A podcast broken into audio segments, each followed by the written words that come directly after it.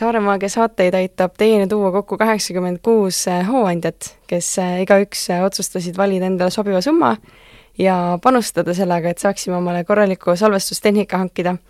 nii et aitäh teile, Martti Nõu, Anna Saar, Helen Reimand, Sander Sepp, Rando Mendar, Kertu Pruus ja Mari-Liis Merimaa.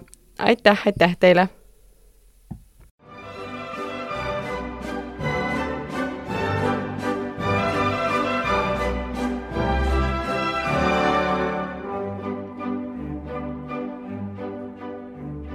Tere tulemast!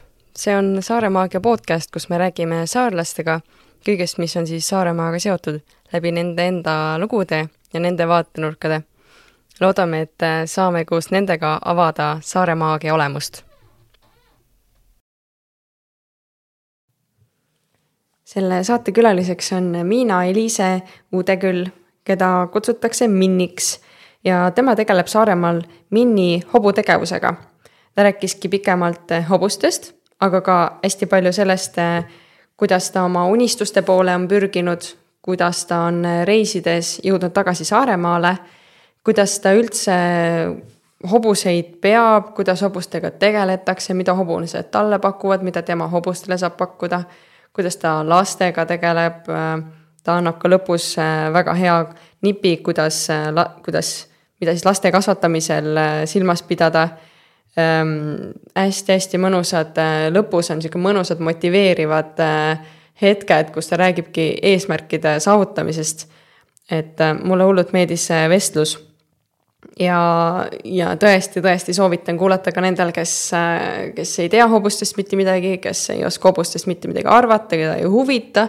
Nad arvavad, kes arvavad, et sind ei huvita hobused, kuula ikka, see on mega-mega hea osa, mis õpetabki seda, et, et energia loeb see, kuidas sina suhtud, selle võtavad nii lapsed, pereliikmed, loomad, kõik võtavad selle üle, peegeldavad sulle ja, ja selleks, et, et nagu, et saada midagi head, tuleb enne ennast muuta hästi,. hästi-hästi mõnus osa, kuula ja sa saad aru täpselt sellest mõttekäigust.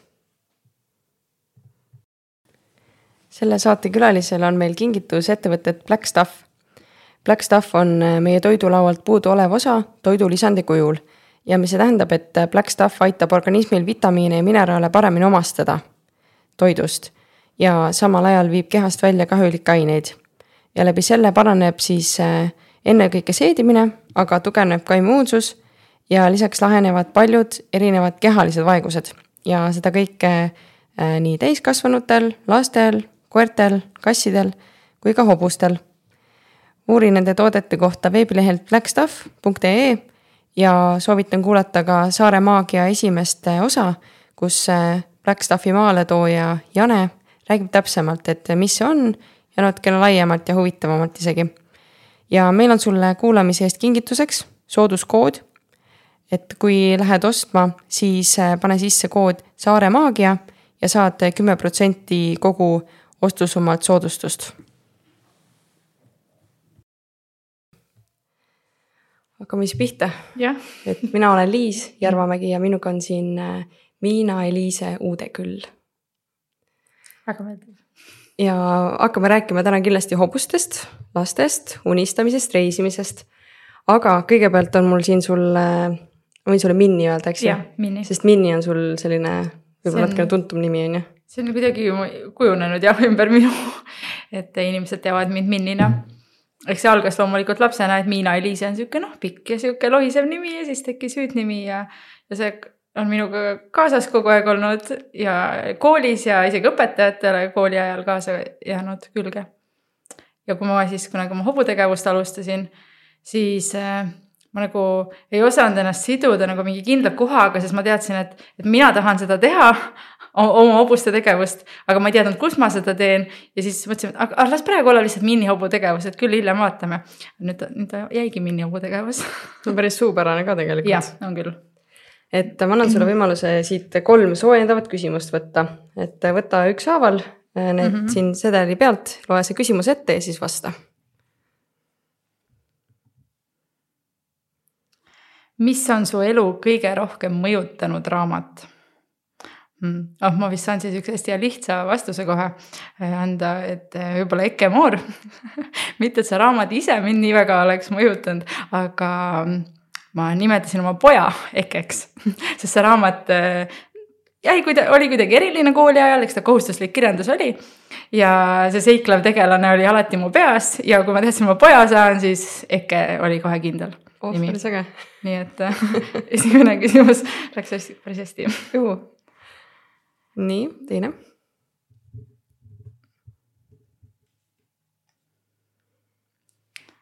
kas ananass sobib pitsa peale või mitte?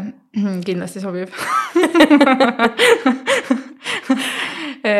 mina olen seda usku, et ma söön kõike toite. ma ei ole üldse pirtsutaja ja, ja mõnikord mulle maitseb see ananass ja mõnikord ta ei ole mu lemmik, aga ma söön teda ikka ja sobib väga hästi väga lahe nii, proovime ühe veel mm. -hmm.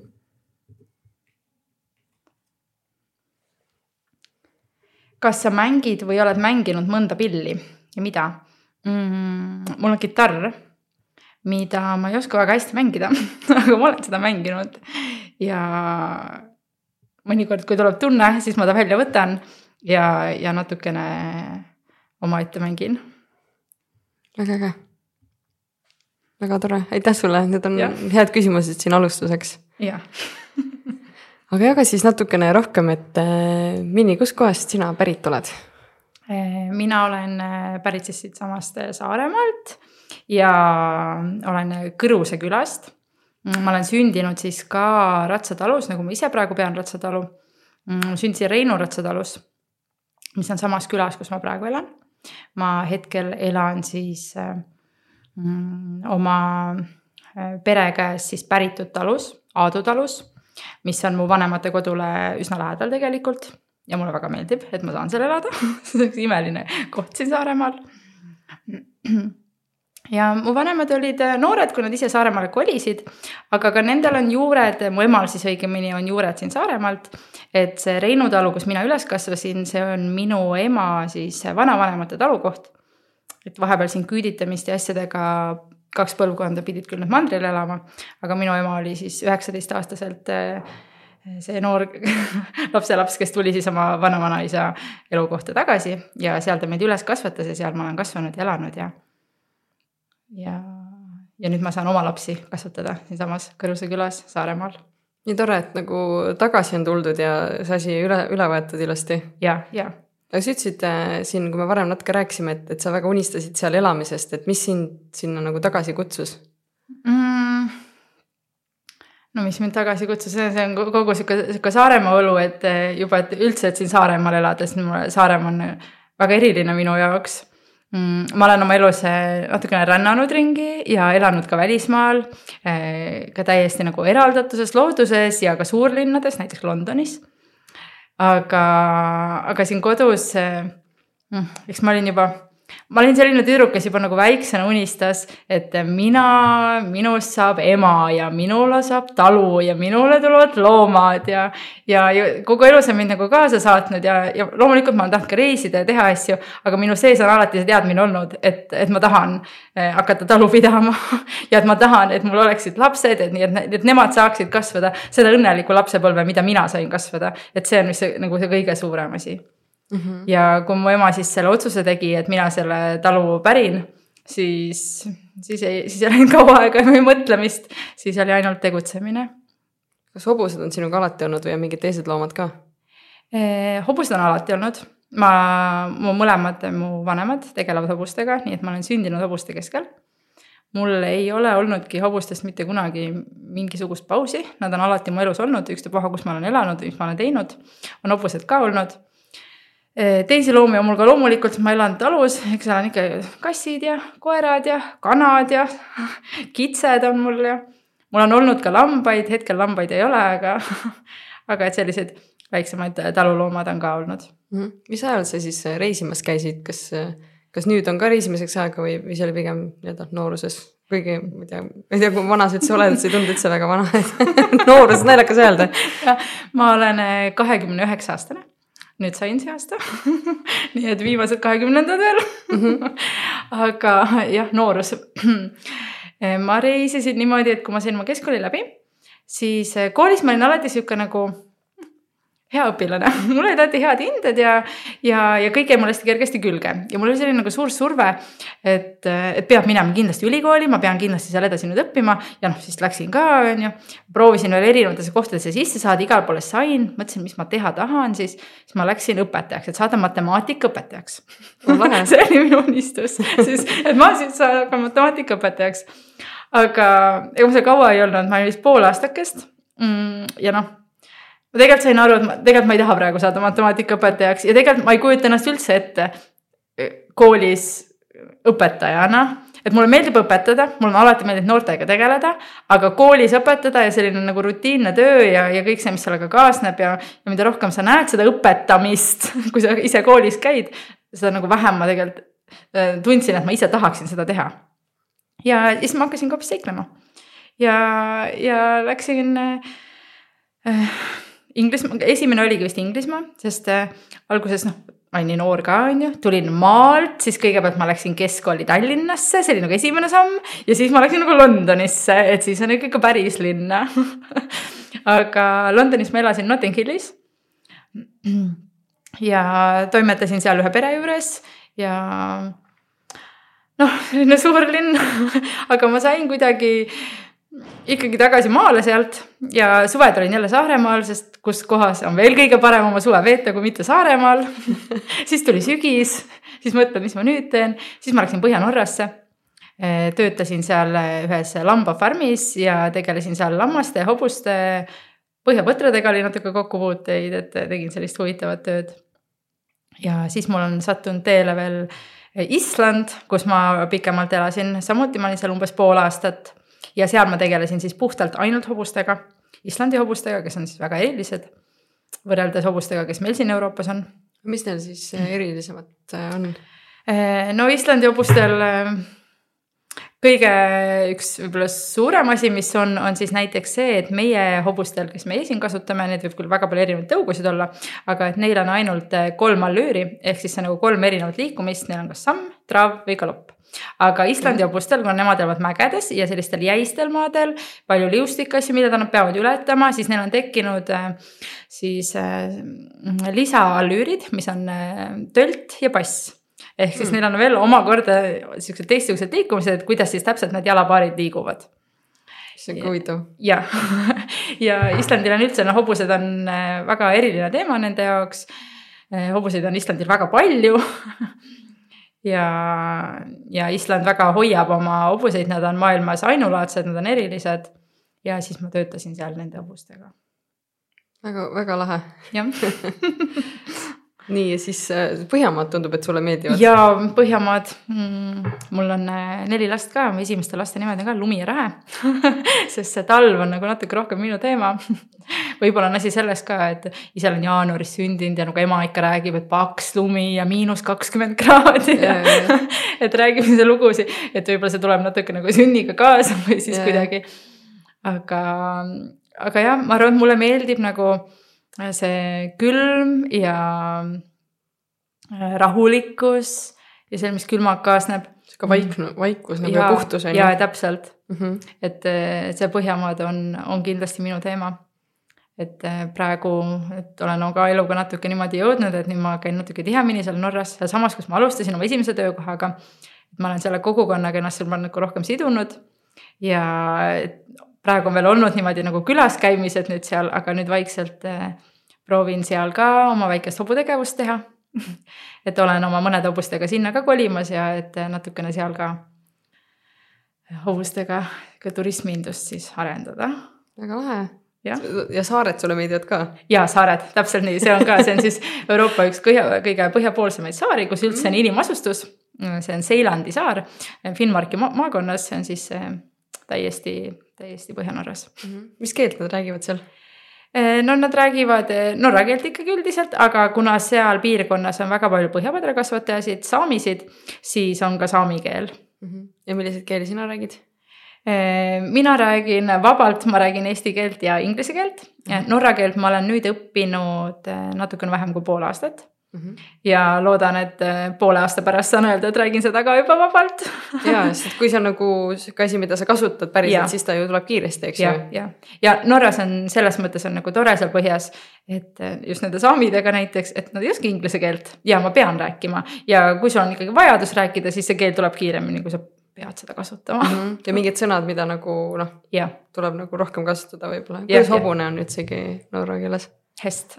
Hest. jah, norra keel on hästi palju, on selliseid nagu inglise keeles laenatud sõnu.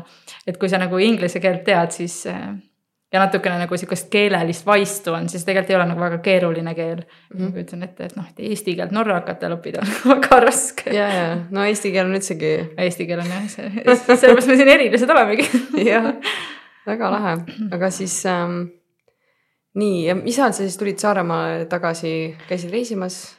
Käisin mingi... reisimas, suved olin kodus, jälle, jälle reisisin, jälle olin suve kodus. Ja siis eh, no ega mul väga palju reisimiseks pole nüüd neid aastaid ka jäänud, sest eh, noh, ma olen praegu kakskümmend üheksa, ma alustasin, kui ma olin umbes kakskümmend on ju keskkooli lõpetanud. ja nüüd mul esimesed lapsed saavad kuueaastaseks. See tähendab, et kolm aastakest ma saingi reisida.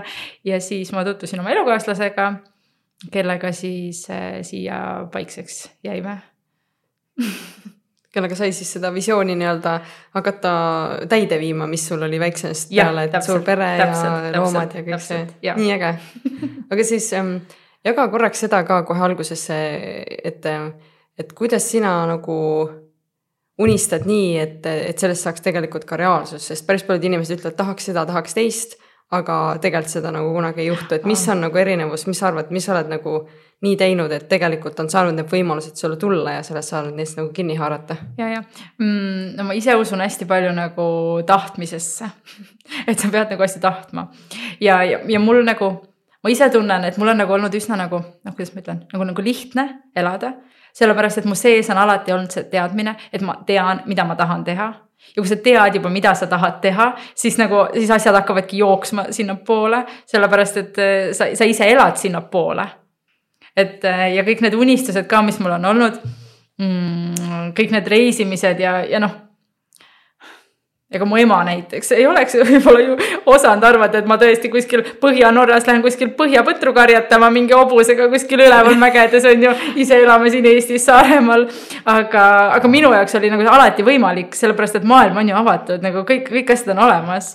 ja, ja see Norrasse minek kui ma esimest aastast Norrasse läksin, siis juhtuski niimoodi, et ma täiesti kogemata lihtsalt Facebookis avasin ühe konto kogemata valesti, seal olid mäed taustaks, särki-värki, ikka oli nii ilus, on ju. mõtlesin, et appi, nagu mulle nii meeldib ja siis ma mõtlesin, et ah, ma kirjutan talle. siis kirjutasin sellele inimesele, tere, et, et kas teil tööd oleks pakkuda, et olen väga huvitatud tulema sinna kanti ja, ja siis ütleb, ei, mul ei ole, aga mu naabrimehel on. andis kontakti, kuu aja pärast mina olen Norras. no vot, nagu kogemata on ju. ja, jah, täpselt ma ise kogu aeg nagu teen tihti nalja, et elu on lihtsalt minu poolt yeah. et eh, julged millegi poole nagu unistada ja siis võimalused avanevad.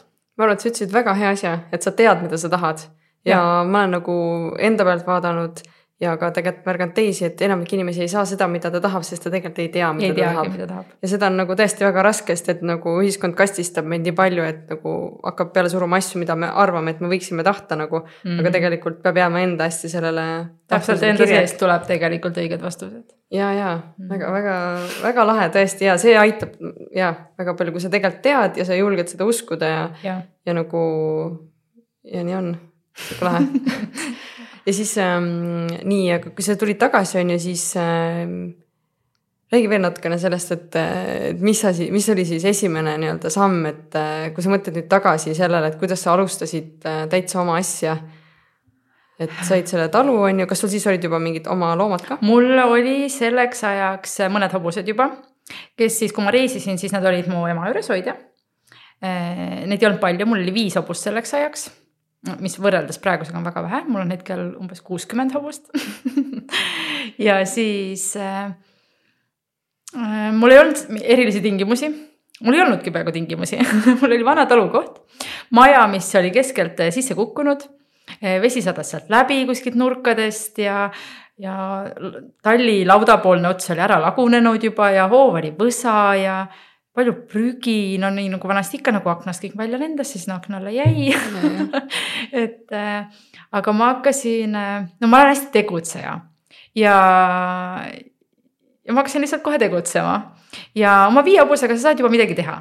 Nii, ja nii mul tekkisidki esimesed trennilapsed juba, hakkasin neile trenni andma, siis vaikselt hakkab mingid asjad hakkavad liikuma, siis hakkasid natukene hobuseid juurde tulema kuna nagu rahalist nagu võimalust ei olnud kohe kuskilt, et osta nagu kvaliteetseid valmis hobuseid, siis leidsin enda võimalused noorte või siis selliste nagu metsikumate hobuste näol või probleemsete hobuste näol, kellel teised inimesed siis mm, erinevatel põhjustel olid siis soodsamalt müüki pannud ja sealt ma sain nad endale osta, lubada. ja kuna ma olen hobuste keskel sündinud, kasvanud, elanud, äh, õppinud seda kõike, siis minu jaoks ja mul on julgus ja mul on see julgus ja tahe nende, nende noorte ja keerulistega tegeleda. siis ma olen oma hobused niimoodi vaikselt äh, treeninud kogu juurde ja niimoodi nad hakkasidki nagu vaikselt paljunema seal ja tekkima neid juurde. hakkasin trenne andma, hakkasin maja ehitama. alguses me olime karavanis, mul sündisid esimesed lapsed, kaksikud. ja, ja ma olen kogu aeg nagu see, et nagu lapsed tulid mu ellu, see nagu ei takistanud mul edasi elamast, et eh, vastupidi, et see andis mulle nagu hästi palju nagu energiat ja innustust ja jõudu juurde, sellepärast et mul olid lapsed ka, kelle nimel seda kõike veel teha. ja, ja kõik asjad hakkasid nagu veel kiiremini arenema. et eh, kaks aastat hiljem juba oli, eh, maja oli juba nagu oma jõududega, ilma laenude asjadeta siis ilusti nagu püsti juba ehitatud, hobuseid oli juba viisteist umbes plats oli juba valmis, kus sai lastele trenne anda, esimene tallikene hakkas püsti tõusma. et kõike tegime täpselt nii hästi, kui nagu, kui sel hetkel sai. ja, ja kogu aeg nagu on asi niimoodi vaikselt edasi arenenud mm. -hmm. et sa teadsid, mida teha, vaata, sul oli jällegi see, et, et sul oli juba mingisugune noh, mingi visioon ja. ja mingisugune näide sellest, et kuidas siis hobustega tegeletakse, eks ju, ja sealt sa ei pidanud hakkama ise ratast nagu leiutama, eks ju mm. -hmm, täpselt. aga mis sa siis nagu teistmoodi tegid, kui, kui näiteks, näiteks vanemate juures või niimoodi, kas sa tegid midagi teistmoodi ka? no minu hobutegevusel on alati olnud selline noh, selline mini-vibe on sealjuures et ma olen ise hästi selline nagu äh, vaba hing ja mulle väga meeldib vabadus ja, ja hobustega samamoodi, et minu jaoks on nagu hästi oluline, et hobustel on alles jäänud nagu see hobuste nemad ise, et me nagu ei mata ära seda, kes nad on, sest samamoodi nad ei ole kõik samasugused, nad on igaüks individuaalne, nad on igaüks, nad käituvad erinevates olukordades omamoodi. ja minu arust me ei pea seda kuidagi nagu ära võtma neilt sest see on see nende loomulik olemine ja kui me laseme hobustel olla võimalikult loomulikud, nii nagu nad, nagu, nagu nad iseenda sees on siis, äh, siis nendega kogu seda koostööd teha ja kõike nagu see, see, see toimib mm. -hmm. kuidas siis, äh, kuidas siis see nii-öelda nende metsikute hobuste dresseerimine, ma ei tea, kas dresseerimine on õige sõna või nagu noh, nende, nendega nagu selline koostööd algatamine või, või see käib, kui, kui eesmärk on neil lasta olla võimalikult vabad? Kuidas see nagu mm, käib kokku kuidas see kokku käib ähm,?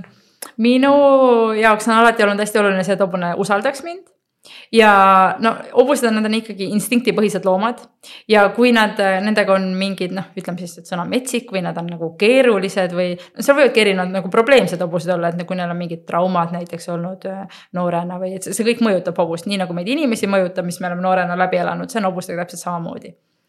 Ja, ja hobustega puhul siis äh, kõik algab äh, usaldusest, et inimene ei ole midagi, mida karta ja et läbi hirmu siis asju teha, vaid eh, tulla minu juurde ja siis läbi usalduse koos edasi töötada. aa, okei okay., ehk et nagu see nii-öelda metsik või probleemne loom on see, kes ei usalda inimest ja käitub nüüd veidralt, nagu ma aru saan, on ju, või nagu äkiliselt. jah, täpselt, seal võivad erinevad, kuidas ta siis on, et, et hobune, ta võib olla kas näiteks ründav, sellepärast et see on tema kaitse.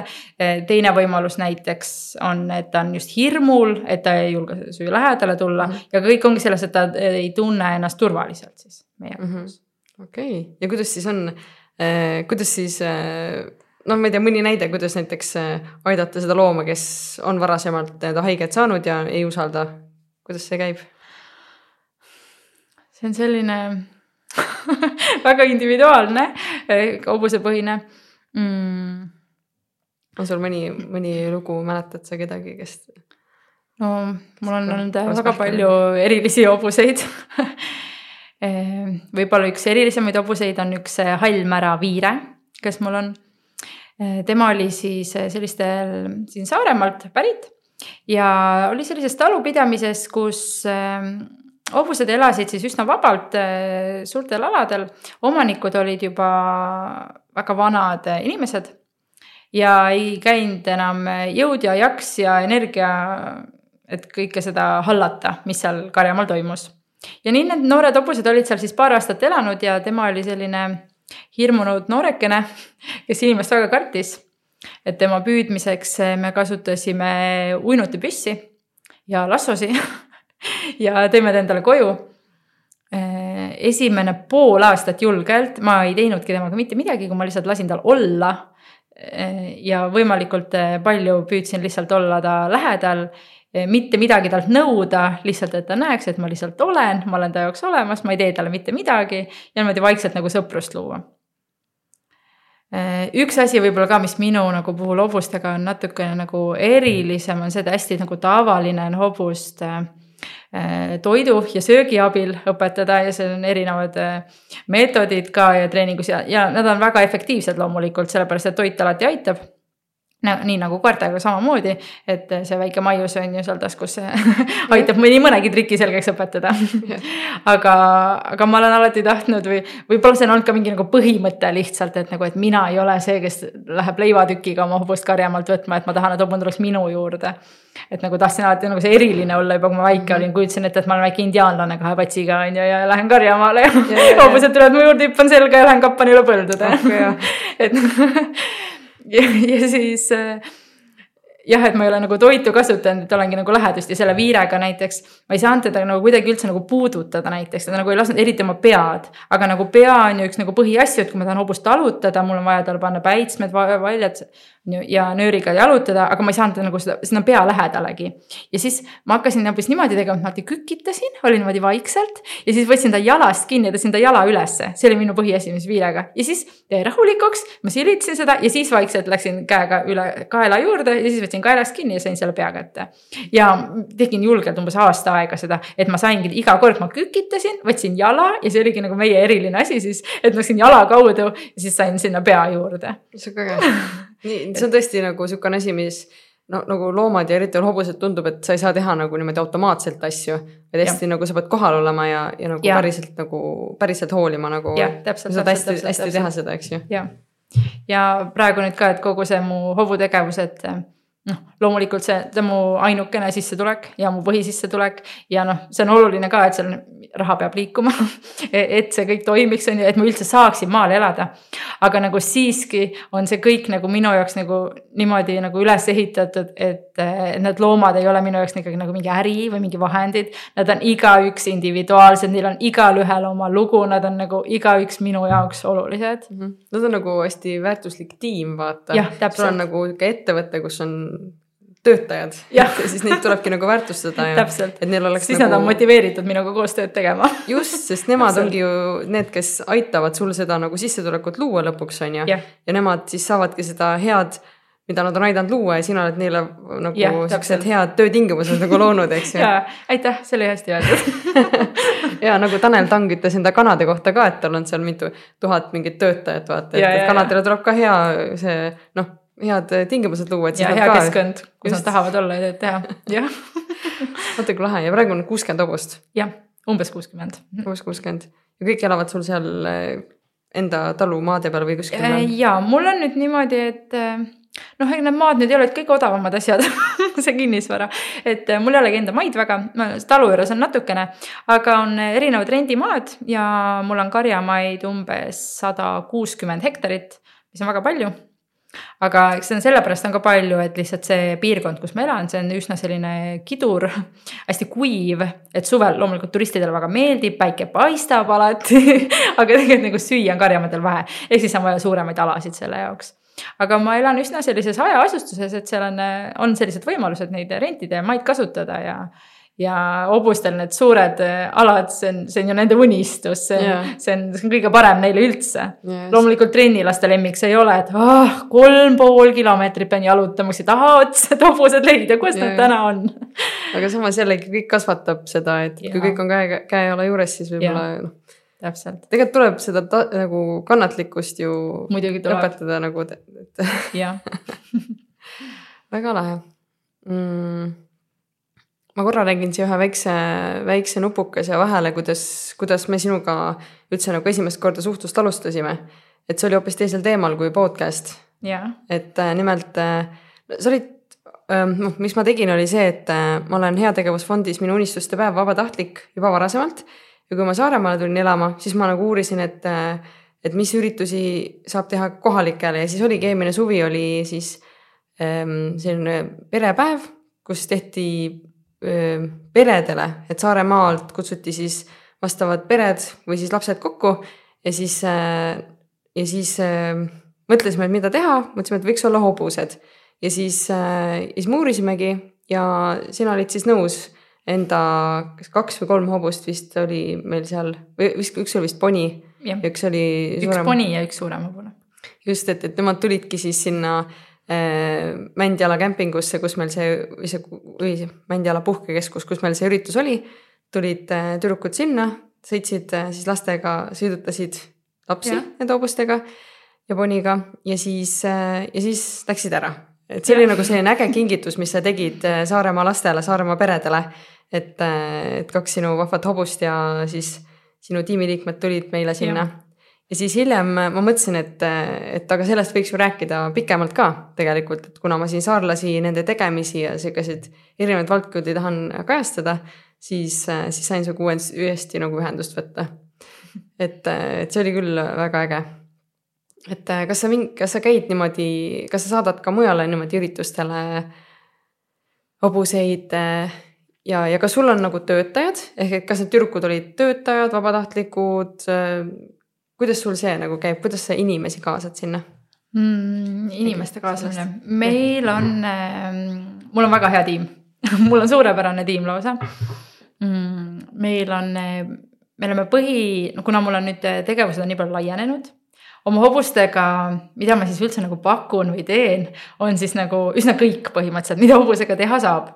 Et, põhiasi algas siis eh, trennidega, et nii, et ma, et mul tekkisid oma õpilased, ma tegin iseendale siis eh, treeneri paberid. et siis eh, ametlikult siis trenni anda lastele ja siis sinna juurde lisandus siis turismindus, et pakkuda turistidele kõike seda loodust ja seda hobustega üldse seda kogemust, et hobusega koos matkata, teha, tunda, ennast välja elada. ja, ja siis sinna juurde on siis lisandunud, kuna kõikidel inimestel ei ole võimalust hobuse selga istuda, siis on vankrisõit, meil on ponidega vanker olemas, meil on suurel hobusel vanker olemas, kellega siis saavad vankriga sõita. Siis äh, on meil erinevad talvetegevused, siis on reesõit, saanisõit, hobuste järgi suusatamine. Hmm. hobuse järgi ehk siis kuidagi, kas sa oled ise suuskade peal ja siis äh, ratsanik on hobusega ees ja siis äh, hoiad sellisest nagu nöörist kinni põhimõtteliselt see ja kohe. siis äh, saad päris kiiresti sõita ja saab väikseid siukseid nagu künkakesi sõita ja kurve ja Okei, okei. et see on sihuke ekstreemne. see on nagu muidu tehakse nagu vee peal ja paadi järgi või see mingi ei, hobuste järgi ta on ka olemas, ta on Aga Põhjamaades see on- tegelikult pärit on ju nagu skiööring. Aga siis me oleme natuke nagu kohandanud seda oma versiooni, et siis see, kes suusatab, ei pea ise suutma nagu hobust ka hallata, kuna see vajaks nagu noh, veel lisaoskust on ju, et sa pead oskama siis ratsutada ka, et piisab, kui sa oskad nagu suuskade peal olla. ja et meil on siis nagu juht, kes on siis Oh. nagu hobuse seljas, et see on sihuke väga lahe sihuke talvetegevus mm. -hmm. siis eks eh, noh, et, et seal maal nagu, et me seal elada saaksime. Et kõik need hobused üleval pidada ja kuna mul ei ole sihuke nagu tüüpiline nagu ratsakool, kus hobused hästi palju tööd teevad päevas. et ma tahan, et hobustel oleks kogu aeg nagu vabu päevi ja et nad teevad ainult natukene ja neil oleks ikkagi nagu hea olla, mitte et nad ei ole nagu täiskohaga töölised et eh, siis mul peab neid hobuseid väga palju olema, aga et hobuseid väga palju üleval pidada, siis selle jaoks peab olema ka võimalused, et neid üleval pidada. ja selle jaoks me olemegi nagu teinud hobustega üsna kõike, mis teha saab. Ja eks oleme ka ponnidega laatadel käinud ja, ja, ja samuti siis erinevatel siis üritustel läheme alati koha peale, kui inimesed kutsuvad.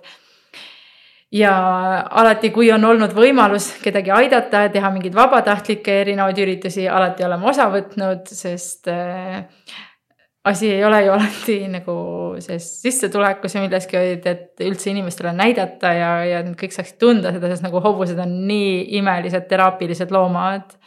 et äh, alati nagu rõõmuga, südamega, hingega nagu jagame seda, mida me teeme mm. -hmm. sa ütlesid, hobused on teraapilised loomad. kas äh, räägi sellest natukene, kuidas, kuidas, kuidas nad võib-olla sind on aidanud, kas sul on mõni näide ka nagu reaalselt mõnest inimesest, kellel on vaja olnud sellist nagu noh, päris teraapiat, teraapiat või, või kuidas sellega lood on mm? -hmm hobused on, ma arvan, kindlasti mind aidanud ma arvan, et kuna hobused ongi, nad on terve elu siis eh, minuga koos olnud. Nad on alati olnud minu see tugevus ja, ja minu see, see kindel asi, mis mul on alati nagu olemas, et ma tean, et mul on alati hobused, mul on alati olemas see oskus hobustega koos olla. kuhu iganes ma oma elus lähen, on ju, ma tean, et nagu, et hobused aitavad mind sealt äh, selles olla, kus ma olen omadega et hobused on nagu hästi nagu toetavad minul olnud ja, ja väga olulised. aga miks siis nagu teraapilised? Äh, võib-olla näite saab tuua, et kuna ma annan trenne õpilastele ja see on võib-olla natuke sihuke nagu, et noh, tänapäeval natuke rohkem räägitakse sellest, et kui lastel on nagu erinevaid keskendumisprobleeme näiteks, siis hobused aitavad väga hästi nagu tasakaalu luua nende eludesse ja kõik see, see kannatlikkus, mis sul peab olema elusloomaga koos äh, tööd tehes ja, ja kõik see tunnetus ja, ja hobusel on ju, tal on samamoodi, ta tunneb, ta tunneb hirmu ja ta tunneb põnevust ja, ja see, kuidas nagu lapsed siis nagu tunnevad seda, et kui nemad on seal hobusega koos, et kuidas nemad saavad hobust aidata, kuidas nemad on ka olulised, kuidas nemad mõjutavad, on ju. hobuste näiteks huvitav fakt on see, et hobune tunnetab inimese südamerütmi kahe meetri kauguselt välja ehk siis mm. kui näiteks sinu sees on mingi väike ärevus või midagi, siis nagu hobune, ta peegeldab seda sinu pealt ja. ja, ja siis, kui see laps näiteks on, teeb seal trennis, ta saab mingi harjutusega hakkama ja ta tunneb rõõmu on ju, siis hobune lõdvestab ja tunneb ennast hästi ja. ja siis tunneb laps ennast omakorda hästi ja oh,, wow. ja, ja see, see loob selliseid nagu häid emotsioone ja tundeid ja, ja nagu aitab lastel suhelda ja mm. -hmm. kas äh issand, see on nii äge et ja see, ma olen seda taibanud ka, mul oli ka ükskord võimalus äh, mandril sellist nagu ratsamatka kogeda. et oli ka mina, elukaaslane ja siis meil nagu juhendaja, kes oli oma hobusega ja see oli vist mingi väike, üks hobune vist oli niisama meil ka kaasas, mul on praegu sihuke mm -hmm. tunne, et tema selles kedagi ei olnud. ja, ja oligi nii, et äh, et seda oli tunda, et mina natuke olin ebalev, sest yeah. ma polnud üliammu üldse hobuse seljas istunud ja see oli näha, kuidas hobune ka nagu noh, ta pidi tegelikult suht kiiresti nagu kohanema ikkagi, sest et meil oli matk niimoodi, et lähme noh, et tutvume natukene, on ju, harjame, seal natuke tutvumine ja siis juba matk.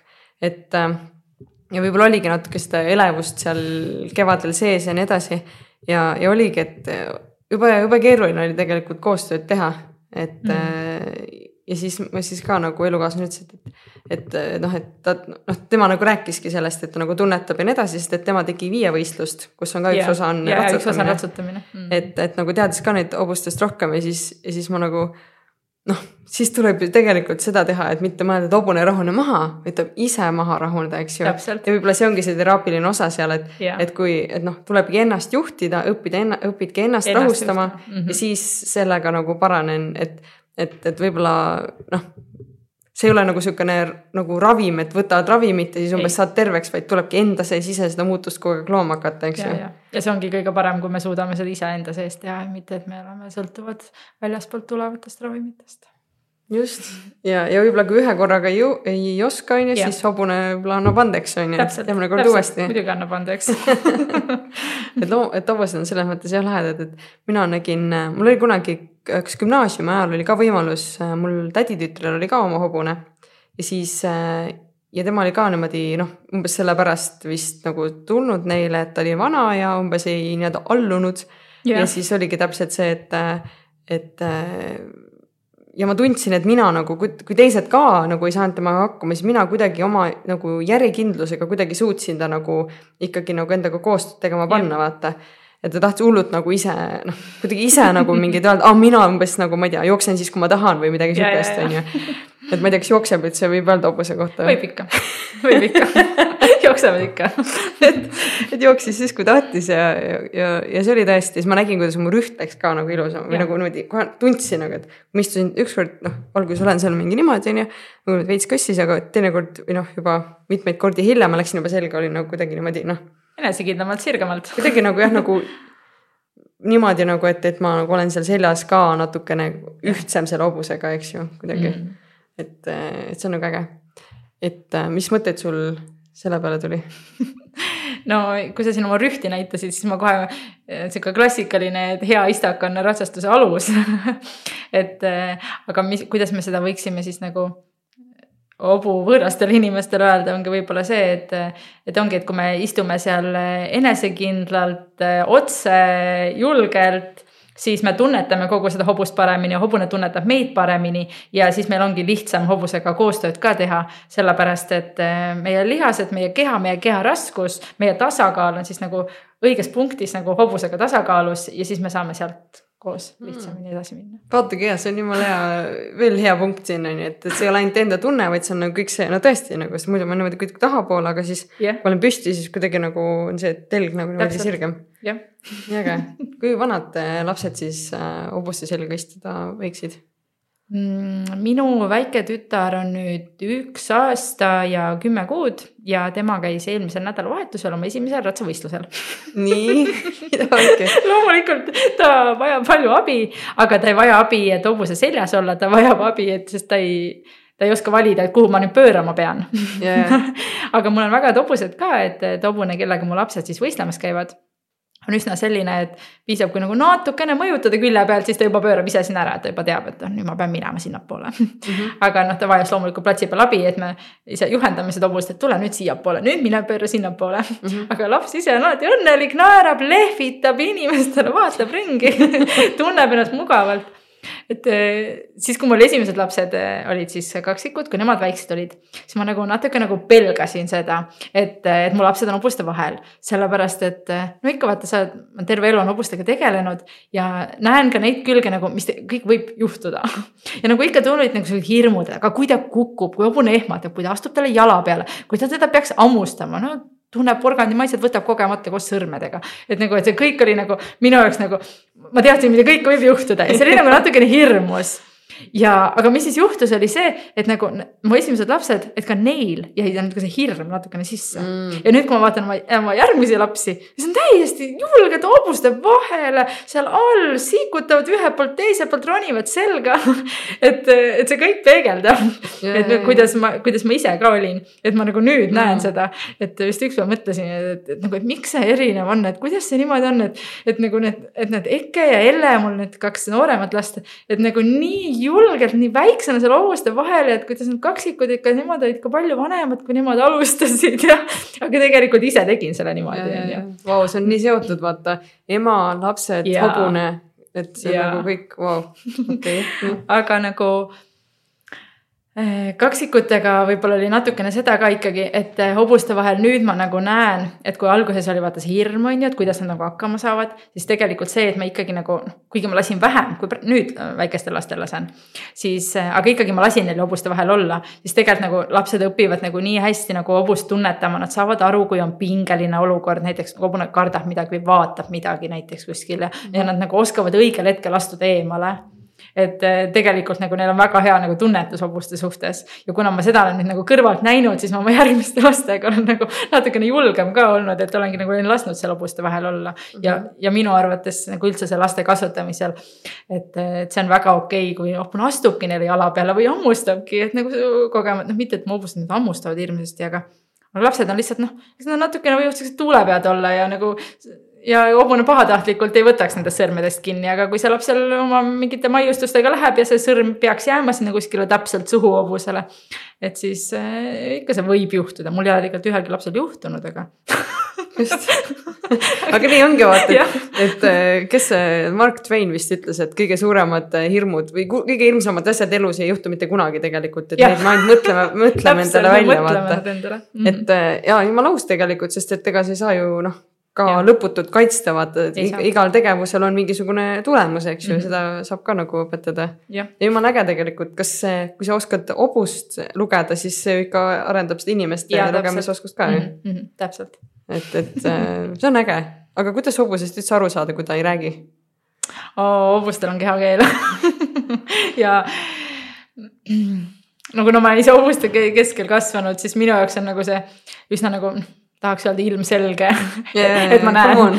Ja vaata, noh, näed, ta on stressis. aga eks noh, hobustel on ikka nagu, no nii nagu teistel loomadelgi, neil on nagu mingid eh, teatud eh, tunnused siis, mida nad siis nagu välja näitavad, et kui neil on nagu stress, siis võib-olla lihtne näide, võib-olla võib-olla inimesed ei mõtleks, on näiteks, et kobune jalutab, et kobune on lõdvestunud, siis ta saba juur on lõdva ja ta saba niimoodi lookleb niimoodi paremale-vasakule, paremale-vasakule, hobune pingest hoiab see saba nagu niimoodi üleval tugevana ja see saba nagu niimoodi kõrgel ja ühe koha peal okei. et sihuke, sihuke väike lihtne asi, aga tegelikult nagu sa oskad seda vaadata, sa näed, hobune on lõdvestunud, hobune on pinges. okei, väga hea.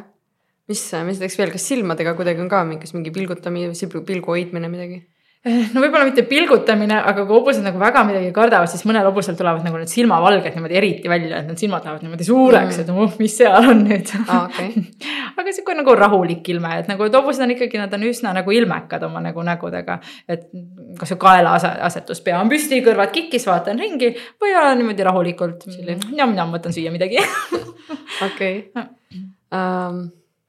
kuidas sa üldiselt nagu näed seda, et äh, noh, ma ei tea, kas natuke jaga võib-olla seda poolt, mida sa näed nagu laste puhul, et tihti ju laps ei tee vahet äh, lehmal, hobusel, mis iganes loomal ta kaugemalt näeb, et et kas sa oled seda ka märganud või on ikkagi kõik inimesed nagu teavad, et see on hobune ja see on nüüd veis või no kuna ma elan siin Saaremaal, kus on nagu päris palju loodust, loomi, talusid ja ikkagi nagu see ei ole veel nagu nii linnast, no see ei olegi linnastunud, meil siin väike Kuressaare linn on, on ju, aga ikkagi nagu lastel on vanaema või tädi või, või, või keegi, keegi onu kuskil, kellel on loomad, et lapsed ikkagi on üsna nagu teadlikult, et mis loom on mis. võib-olla pigem on nagu metsloomadega, et umbes, et põder on isane ja hirm on emane või et sellised lood, aga nagu hobuse ja lehma tunnevad ikkagi ära. mm. -hmm. aga jaga siis seda poolt ka, et kuidas öeldakse erinevad, erinevas, erinevas vanuses ja erineva sooga hobuseid, mis nende nimed on näiteks siin saate, saatekuulajale. siis saatekuulaja siis, saatekuulaja võib kaasa mõelda, et kas ta teab, mis, kes need on. no seda on kindlasti palju kuulnud, et emased on märad märad on sellised tujukad. Jah nii nagu naised. Et ma siin hiljuti ma müüsin ka ühe enda noore hobuse maha, et ta oligi kohe nagu planeeritud, et tema lähebki nüüd müüki ja siis äh, ka sinna nagu müügikulutuse peale, siis ma kirjutasin ka, et äh, tal on äh, sihuke naiselik iseloom siis ka mõni, mõni huviline juures, et mis see naiselik nüüd täpsemalt tähendab siis on mingi, no selline, et kui ta teab, mis ta tahab teha ja ja siis ta läheb teeb ja, ja, ja kui ta ei taha, siis sa ikka saad aru, et täna ta ei taha seda teha. väga hea, väga hea. aga isane siis äh, hobune on täkk. ja kui ta on ära kastreeritud, siis ta on ruun. noh, et nad saaksid karjas teistega koos elada, siis väga paljud isased hobused on siiski kastreeritud, et siis nad on ruunad. Mhm. hobuse beebikene on varss meil talus on see aasta juba kaks varssa sündinud ja seitse varssa on veel sündimas, nii et sihuke tore varsa aasta. see on alati hästi põnev neid varssasid oodata, mis sealt sünnib täpsemalt, mis soost nad tulevad, mis värvi nad tulevad, mis iseloom neil tuleb. et see on alati hästi põnev. Kaks varsakest on juba tulnud ja meil on tumetäht ja türkiis ja seitse varssa on veel tulemas. ja kui varsad saavad natukene suuremaks, siis neid kutsutakse sälgudeks, sälg ja selline kolmeaastaselt siis öeldakse, et siis hobune on valmis, et äh, siis on nagu sellist ratsakooli alustama, et äh, mitte siis, et ratsakoolis veel tööd tegema päris, aga õppima siis, et kuidas see nagu inimesega koostöö siis täpsemalt siis nagu käib ja hakatakse neid saduldama, ehk siis esimesed äh, kokkupuuted siis äh, raskusega selja peal et kuna hobused on tegelikult sellised loomad, kes siis äh, looduses on loodud niimoodi selg pigem natukene nõgus olema ja vaatama niimoodi ette, et me näeme vaenlast, ta saab ära joosta.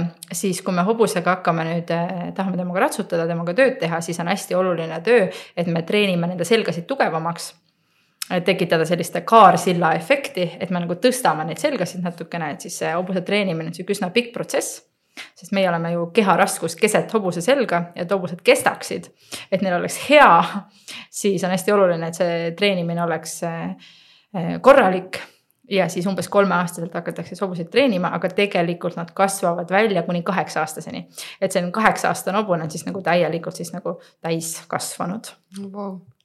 See kõlab ikka nagu täitsa nagu töö ja sa pead nagu õigel ajal teadma ja mida teha ja nii edasi, et mitte nagu no,. et ja sõidan on ju mingi, ei tea, kas sõidan on ka üldse õige öelda või? võib küll öelda, ikka, ikka võib öelda aga... kõlavad nii amatöörid nagu kuigi, aga noh, et see ongi see, et, et mõne jaoks on hobune nagu hobune on ju, mõne jaoks ongi see, et läheb sinna kuskile la laadale on ju yeah,, siis saab ta seljas istuda või seal kaariku peal sõita või midagi. oo oh jee, läheb eluga edasi, on ju, aga siis see, see on nagu keegi, kes ma ei tea, lapsega mängib või, või vanavanem, et nagu saab mm. korraks mängida, on lõbus, aga siis see vanem viib selle lapse uuesti koju ja siis mingi peseb ta puhtaks ja trenni ja nii edasi, et. et see on ikka täitsa nagu sihuke suur, suur pere. ja, ja, ja hobustega töötamine ja kogu see treenimine, et see tegelikult algab sellest, kui nad juba sünnivad, on ju, sa mm, -hmm. et ta inimesega juba harjub, ta on su sõber, ta on valmis puudutustele. hobustel ikka võivad olla piirkondi, kus nad on rohkem tundlikumad, kus noh, näiteks kõhu all, mis võib neile ebamugavust tekitada, mõnel hobusel meeldib kõrvade puudutamine. on siuksed lihtsamad asjad, siis survele reageerimine, et ta kõnnib sul käe kõrval, astub edasi-tagasi küljele, et kõik sellised nagu väiksed asjad, nad algavad juba sellest east, kui nad on varsad. Ja sa tegeledki seal hobusega julgelt sihuke neli aastat teed nagu sellist eeltööd ja kui ta sihuke nelja-aastane umbes on, siis sa hakkad temaga seljas tööd tegema. Ja see on selline pikaajaline, kannatlikkust palju nõudev, sihuke korralik töö tõesti mm. -hmm. ja et millal ta siis on valmis laadale minema ja neid lapsi seal sõidutama, siis üldiselt see vanus ongi sihuke nagu kaheksa ja sealt pluss juba on ju, et nüüd tal on piisavalt juba kogemusi. ta on juba harjunud sellega, et, et inimese tasakaal ei ole paigas, see kõigub, nad ronivad seal, nad vajuvad seal, nad haaravad tugevasti lakast kinni või midagi. et et see on, see on suur töö mm -hmm. selle et, taga. et tal endal on ka sihukest nagu stabiilsust ja rahu juba tekkinud, et, et on mürakärasid, noh, nii-öelda ettearvamatuid katsumisi on ju ja midagi sellist mm, -hmm. et. et jaa, mulle kõlab see tegelikult ka nagu hästi suur sõprus. et see algab juba varakult ja siis nagu loom kuidagi teab, et alati on keegi tal olemas ja siis sina tead, et näed, loom on nüüd umbes olemas ja, ja niimoodi. ja hobused võtavad nagu minu arvates inimest natuke nagu, kui sa oled nendega koos ja teed nendega, nendega tööd.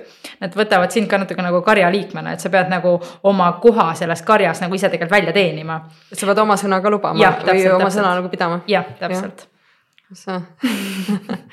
nii, aga siis nüüd on suvi tulemas, mis, mis sul suveks plaanid on, on, on juba juba ette, ette kõik teada, ma vaatasin, et laagreid on päris palju juba praegu juba registreerimised on juba täis, aga mõned, kohad veel on tegelikult ei ole okei, no. Need kõik laagrid on tegelikult täis, et ei ole veel jõudnud infot kajastada, aga meil on plaanis teha augusti lõpus üks-kaks lisalaagrit.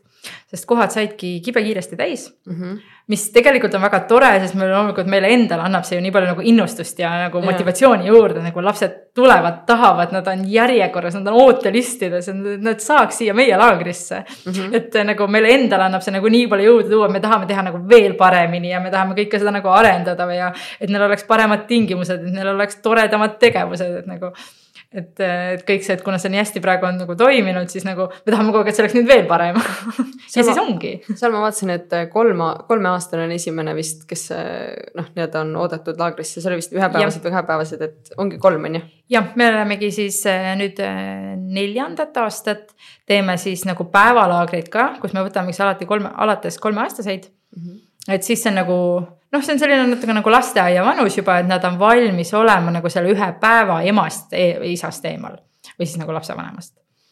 et eh, noh, see ongi põhiline asi, et see, et nad seal hobustega hakkama saavad, see, see on juba meie töö see, meie jaoks on, on see nagu see lihtne osa aga nagu keeruline osa ongi see, et nad saavad vanematest, et eh, nagu eemal olla. et väikeste laste puhul ikka, et eh, kui siin ka meil seitsme-kaheksa-aastased laagritesse tulevad, et kes juba ööseks jäävad. et nagu kõige raskem on see õhtune aeg, kui sa tahaksid koju ema juurde oma voodisse minna. jah, sihuke väike katsus tekib. jah, et nagu seal hobuse, hobuste juures, et nagu seal on meil kõik selline noh, täpselt vastavalt lapsele individuaalselt tegeleme, meil on head hobused, meil on tiim, mis töötab. et nagu, et see ei ole see keeruline osa meie jaoks. aga see, et laps oleks ise valmis mm. -hmm. aga eks see suvi tuleb meil selline kiire, töine iga kevad on alati nagu selline nagu ootus sellele suvele, aga samas nagu selline pinge ka, et nagu kuidagi nii kiiresti tuleb see suvi jälle peale et ettevalmistusi on alati hästi palju teha kas lapsed on ainult laagritesse oodatud või teil on täiskasvanute laagrid ka? ja nüüd on äh, kolmas aasta, kui tulevad täiskasvanute laagrid, meil juuli täiskasvanute laager sai kohe täis. ja nüüd äh, neile tulebki ka augustis üks lisalaager, kus meil on ka täiskasvanutele. ja noh, eks ma olengi üldiselt siis nagu ma siin enne ütlesin, et me teeme hobustega üsna kõike, mis teha saab, on ju. et nüüd ka, et äh, alguses alustasime nagu nendest tavalistest laagritest, kus on siis nagu siis ka kooli vanus on ju põhiliselt põhikool on ju keskkool siis läksime ka väikeste lasteaialaste peale ja siis nüüd juba kerkisid täiskasvanud ka kõrvale. ja, ja kui ma alguses nagu pelgasin neid Mm, täiskasvanute laagrid natukene on ikka no, et mis need täiskasvanud seal nüüd, mis ma siis täpsemalt nendega teen, et ma ei lähe nendega kuskile mere äärde veesõda mängima et mis, mis, mis ma nendega teen seal. ja ei, tegelikult miks mitte, loomulikult. aga, aga tegelikult täiskasvanutega on nagu väga-väga mõnus olnud. sellepärast, et äh, üldiselt, mida nad siis nagu teha tahavad ja mis ma olen tähele pannud, on lihtsalt rääkimine lihtsalt nendega olla ja, või oleme sõitnud ilusatesse kohtadesse, käinud allikal või mere ääres ja ja, ja, ja väga mõnus on. nii et äh, ma vahepeal olen oma peas mõelnud, et ah oh,, et äkki võikski rohkem täiskasvanute laagrit hoopis teha. aga noh, kõike päris ei saa, nii et me üritame seda nagu tasakaalu leida. et teeme siis kõike nagu niimoodi parasjagu täpselt nii palju, kui neid nädalaid siin suves on mm. -hmm. sest lisaks äh, laagritele ma tegelen ju ka muude asjadega, hobustega, et meil on ka turismindus, et meil on igapäevaselt on ka turistimatkad, mida me pakume mis on siis, kuhu on oodatud kõik, vahet pole, mis tasemel, mis vanuses sa oled. võib-olla sinna päris matkadele me kõige väiksemaid lapsi ei tahaks võtta. et äh, laps peaks suutma ikkagi, tal peab mingi kogemus juba olema, et kui me räägime eelkooliealistest, sest nad on lihtsalt nii väikest kasvu ja, ja matkal on ikkagi nagu oma sellised väiksed riskid et sealt külje pealt niimoodi ups maha libiseda et lastel sellist hirmu ei tekiks mm, -hmm. siis me nagu täitsa väikseid lapsi matkale ei võta.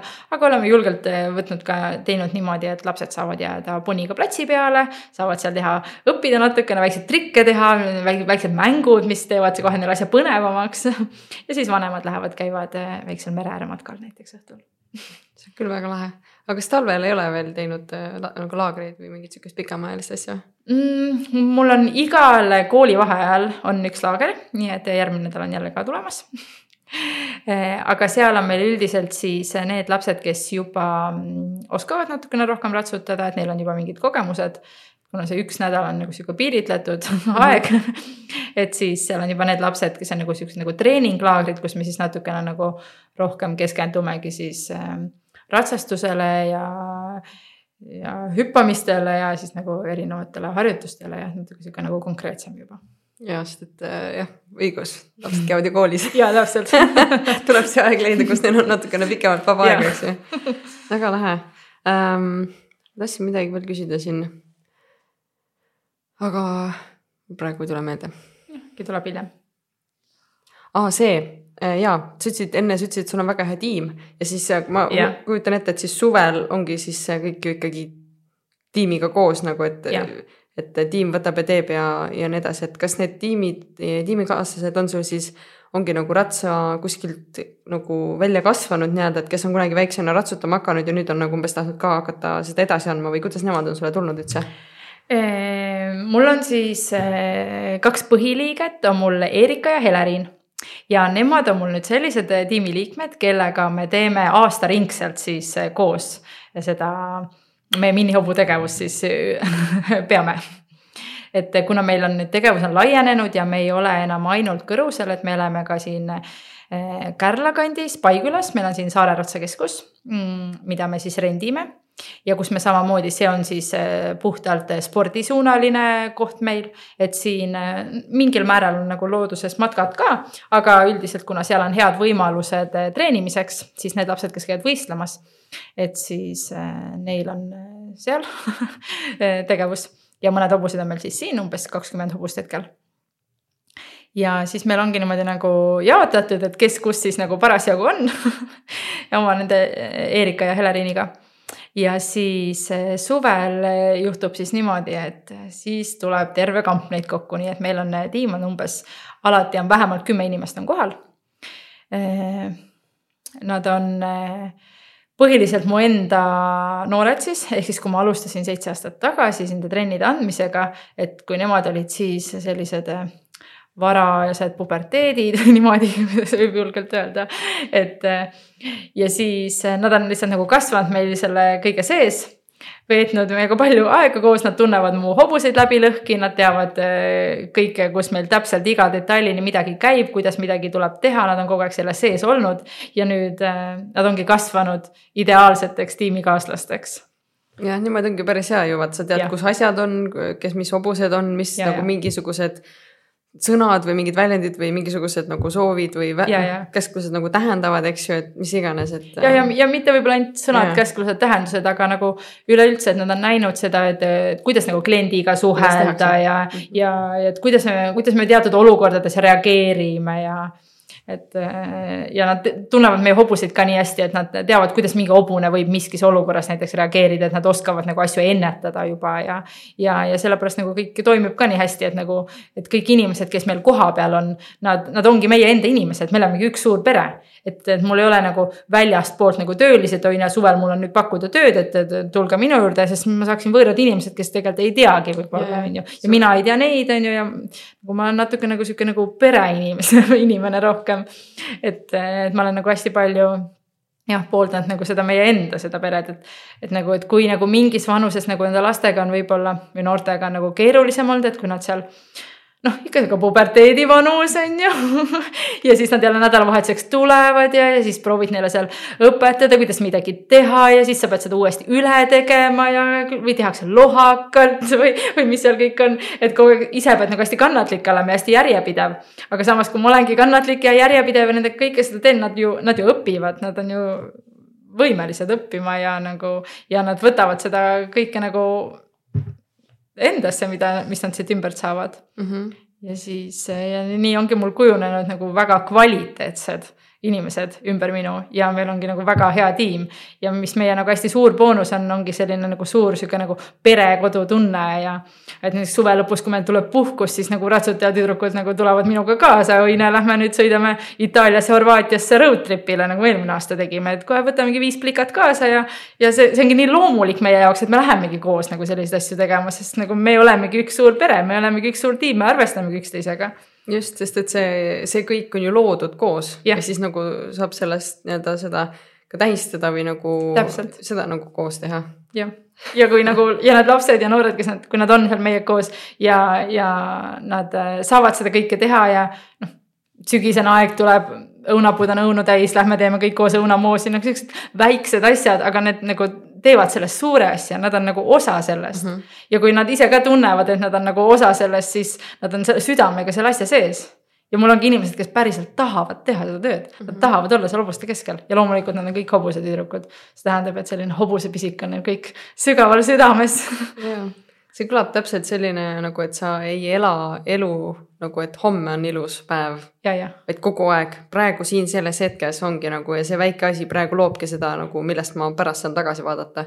et see on nagu hästi äge. mul on vist üldse, mul on äh, ma olen hästi õnnelik inimene et mul, et mul selles mõttes, mul on nagu hästi ilus elu, e-, elu on hea. mu elu on tõesti, ma tunnen, et mu elu on nii hea ja see ongi sellepärast, et nagu et ma olen ise õnnelik. Ja nagu, kui mul tulevad nagu mingid asjad elust, noh ikka, sul on mingid tulevad tagasilöögid, alati kõik asjad ei lähe kohe nii, nagu sa tahaksid, on ju. elektri hind tõuseb. ja, ja täpselt. Ja, ja, ja siis kõik asjad väljaspoolt on ju. ja, jah, täpselt. Ikka nagu kõik asjad nagu nad tulevad, aga nagu see on kõik nagu, me saame ju valida, kuidas me sellesse suhtume. Kuidas me selle vastu võtame. Ja nagu me ei pea ju olema kurvad või stressis või midagi, me, me saame sellest üle olla ja nagu ja alati on head küljed igal pool, nagu need, need on alati olemas, nagu elu on nii hea. meil on kõik asjad olemas, pluss me elame siin hea Saaremaa peal, kus on kõik nagu lill ma arvan, et, et seda saate, saadet tasub kuulata selle, selle motivatsioonikõne pärast, mis sa just praegu ütlesid, sest et see on nii tõsi, et nagu see, kuidas sa asja näed, see, see ongi sinu kogemus, eks ju. Jah. et ühte sama asja vaatavad erinevalt, kõik, iga inimene vaatab seda asja erinevalt mm, -hmm, et ei ole nii. nagu sama kogemust mitte kunagi nagu ühest, ühest nii-öelda nähtusest. jah, jah, täpselt. et see on mega äge, et, et see on tõesti äge ja nagu ilmselgelt sa annad seda, annadki seda edasi oma trennilastele, oma tiimikaaslastele, oma perele, kõigile, kõigile, kellega sa kokku puutud ja tahaks küll sinu hobune olla jälle väga hea, võib liituda meie suvetiimiga väga lahe.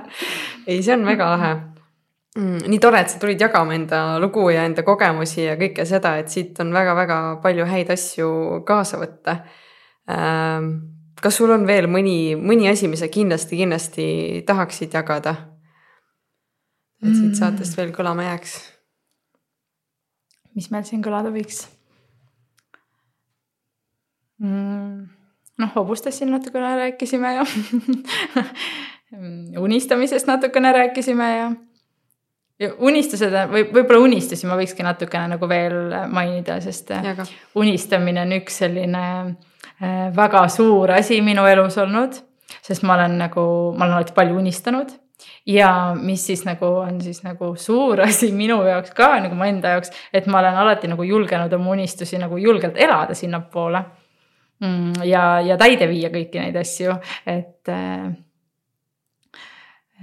näiteks ma saaks tuua näite oma kaksikute näol et ähm, kui ma olin juba kaheteistaastane, siis ma kujutasin ette, et mul on kunagi talu, mul on palju lapsi ja et mu esimesed lapsed on kaksikud ja kui me siis elukaaslasega ka tutvusime ja kui ma siis rasedaks jäin ja, ja siis äh, ikka inimesed nagu uurisid siis, et, et kas on juba siis teada, et on poiss ja tüdruk ja siis ma mingi ei, et me veel ei tea, aga et ma väga loodan, et on kaksikud. Ja siis inimesed nagu natuke nagu naersid mind välja, et nüüd, kus sa need kaksikud nüüd võtad, on ju. et kus need järsku peaks lihtsalt mingid kaksikud tulema. ja siis mina ikka nagu oma sees nagu kogu aeg tahtsin nagu uskuda, et nagu see on võimalik, on ju, ma, et inimesed saavad kaksikuid. isegi siis, kui sul ei ole nagu siin suguvõsas neid kaksikuid nii palju, on ju, või ei olegi ja siis ja arsti juures veel esimesed korrad, siis ei olnud veel midagi, on ju teada. aga siis ma pakun, et see võis äkki mingi neljas kuu juba olla ja siis nagu siis arst ütleb mulle, no näed, siin on teine ka. ja siis ma mingi, ma teadsin, et ma saan kaksikud mida vekker ja siis oligi, et arst vist tegelikult oli juba varem näinud, aga ta ei öelnud mulle, sellepärast et ei olnud nagu selget südamelööke näha ja siis jättis selle info alguses enda teada aga siis ka, kui tuli ikkagi välja, et noh, et ikkagi nüüd on kaksikud, siis no ma, ma olin lihtsalt kohe valmis kohe oma perele ütlema, näed, ma ütlesin teile, et ma saan kaksikud. Kõik on võimalik, kui tahta. eks see on sihuke natuke nagu erandlik näide, et nagu. see on tõesti asi, mida nagu sa noh, mõnes mõttes sa ei saa nagu niimoodi nii lihtsalt ja, kontrollida, aga nagu nagu kui on tahe ja nagu noh, see on nagu lihtsalt nii haige, kuidas tegelikult see energia hakkab sinna poole liikuma nagu et ma ise usun ka sellesse nagu energia liikumisse ikkagi natukene. et äh, mitte, et me nüüd kõik saame endale kogu aeg soovida, et mis, mis soost ja, ja, ja mitu last meil korraga on. aga jällegi aga... tegelikult on seesama, et piisavalt kõva tahtmine, et kui inimene ütleb, ma tahaks, no siis sellel ei ole energiat taga, vaata, kui ja, sa oled ja, nagu mingi kaheteistaastane ja juba mingi kirjutad oma kuskile raamatutesse ja kujutad seda oma kehas ette, nagu see unistamine on vist ikkagi niimoodi, et sa nagu kujutad seda ette niimoodi, et sul tekib mingi tunne, eks ju et tunne loob, mitte see nagu siin kuskil mingid sõnad, mida ja, kirja panna kuskile või isegi. et sa tunned, et sa tead ja et sa tahad ja siis äh, elu avabki sulle võimalused. tegelikult on ju, kõik on ju kogu aeg olemas maailmas. peame lihtsalt julgema nagu vastu võtma ja unistada samamoodi peab lihtsalt julgema unistada, ei ole olemas nagu võimatuid unistusi jah, ma arvan, et mul on täpselt seda osa täna vaja täpselt seda salvestust on niivõrd väga vaja, et, et, et ka hakata mitte nägema, no ma olen ka nagu, näen lahendusi yeah.. aga võib-olla see jääbki sinna lahenduste kohal nagu seisma, mitte nagu sealt edasi minna nagu, et aga mis veel võimalik on. et nagu ja, sinna ja. mingi piirini nagu ära, et noh, nüüd on nagu ütleme, et noh, kõik on hästi nüüd siiamaani, et olen selle olukorra ära lahendanud, aga et mis siis veel, kui ma saan sellest veel midagi suurt luua, et nagu natuke nagu julgust läheb nagu sinna vist ka vaja, et sa nagu, et astud sellest natuke nagu oma sellest mugavusest nüüd ikkagi välja.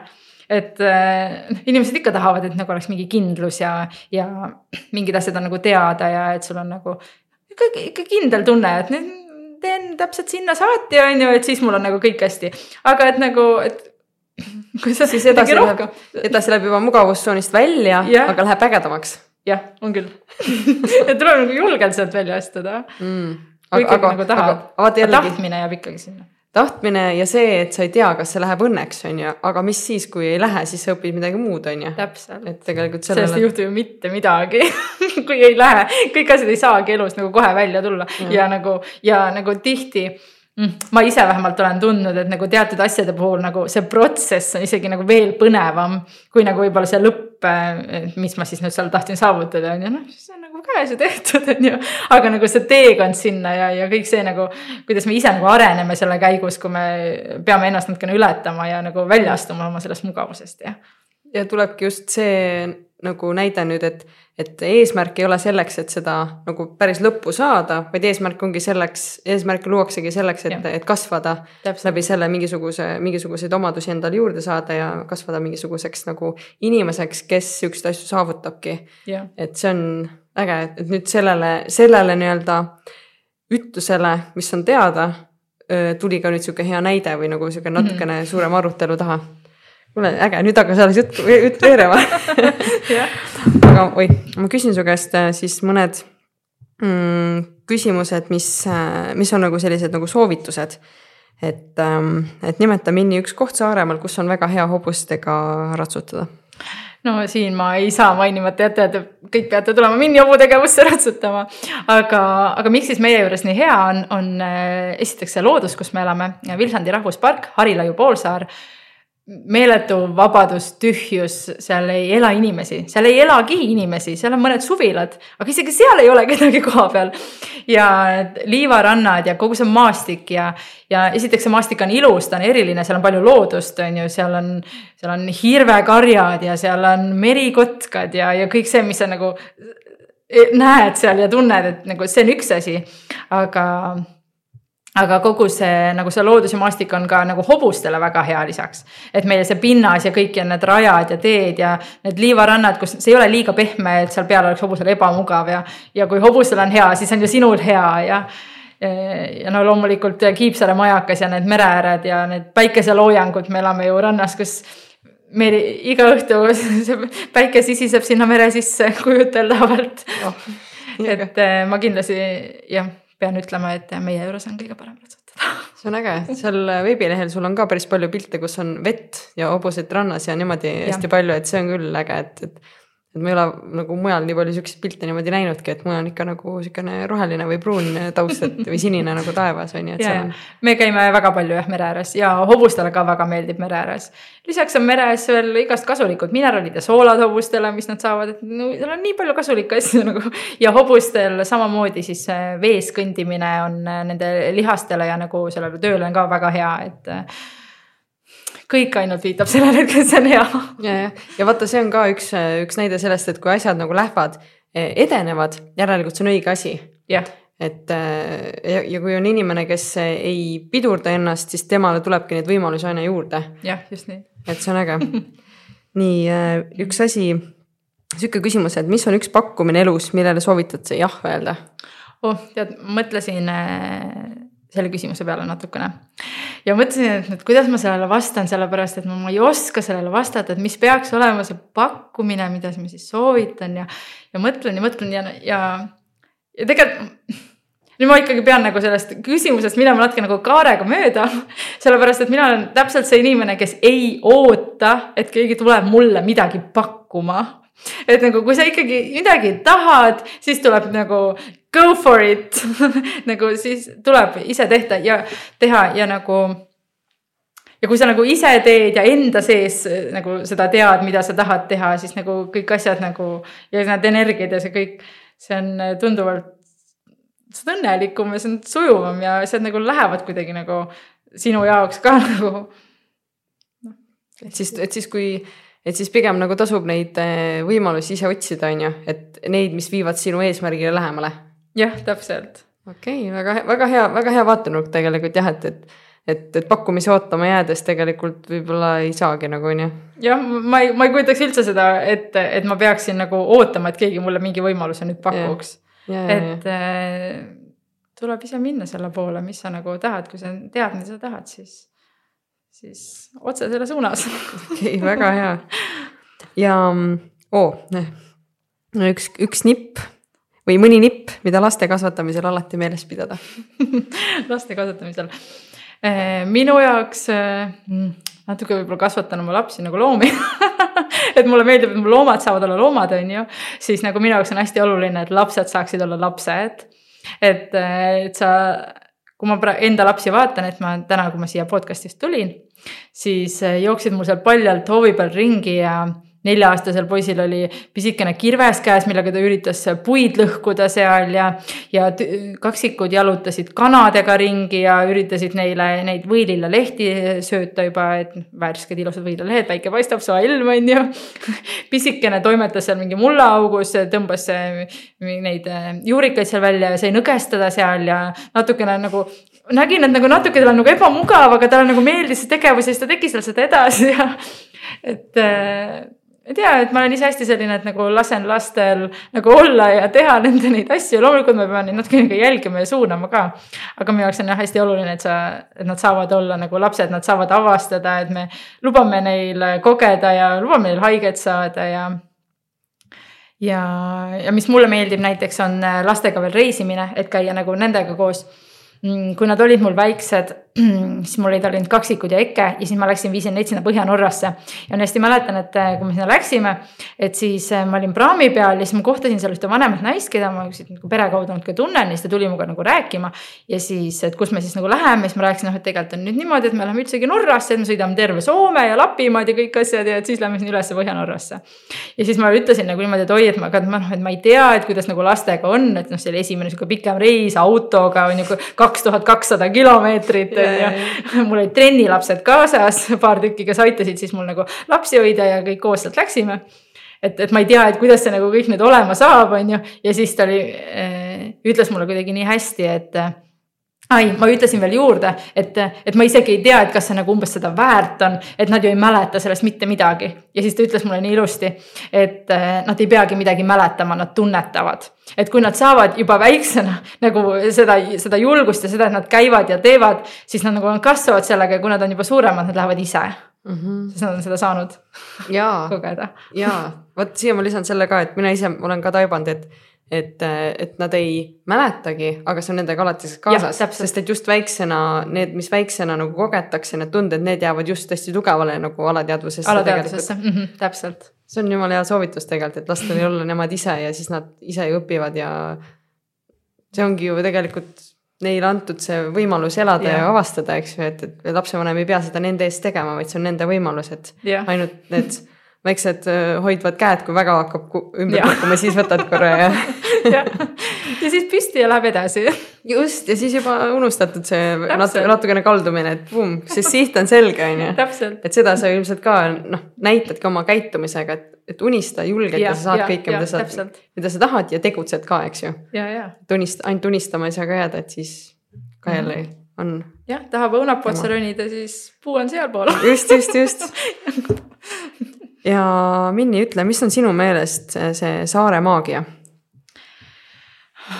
no mina olen hästi saare inimene mulle meeldivad saared, et siis noh, nagu siin saate alguses rääkisime, et mul on nüüd on seal Põhja-Norraga, et seal samamoodi hästi sarnane saar nagu Saaremaa et ta on eraldi, seal on veel vähem elu aga mis ma siis nagu selle saare maagia puhul nagu tunnen, ongi siis ma arvan, kõige rohkem see, et et nagu kui tugevad me saame olla, kui me oleme nagu kõigest ülejäänud maailmast nagu eraldatud.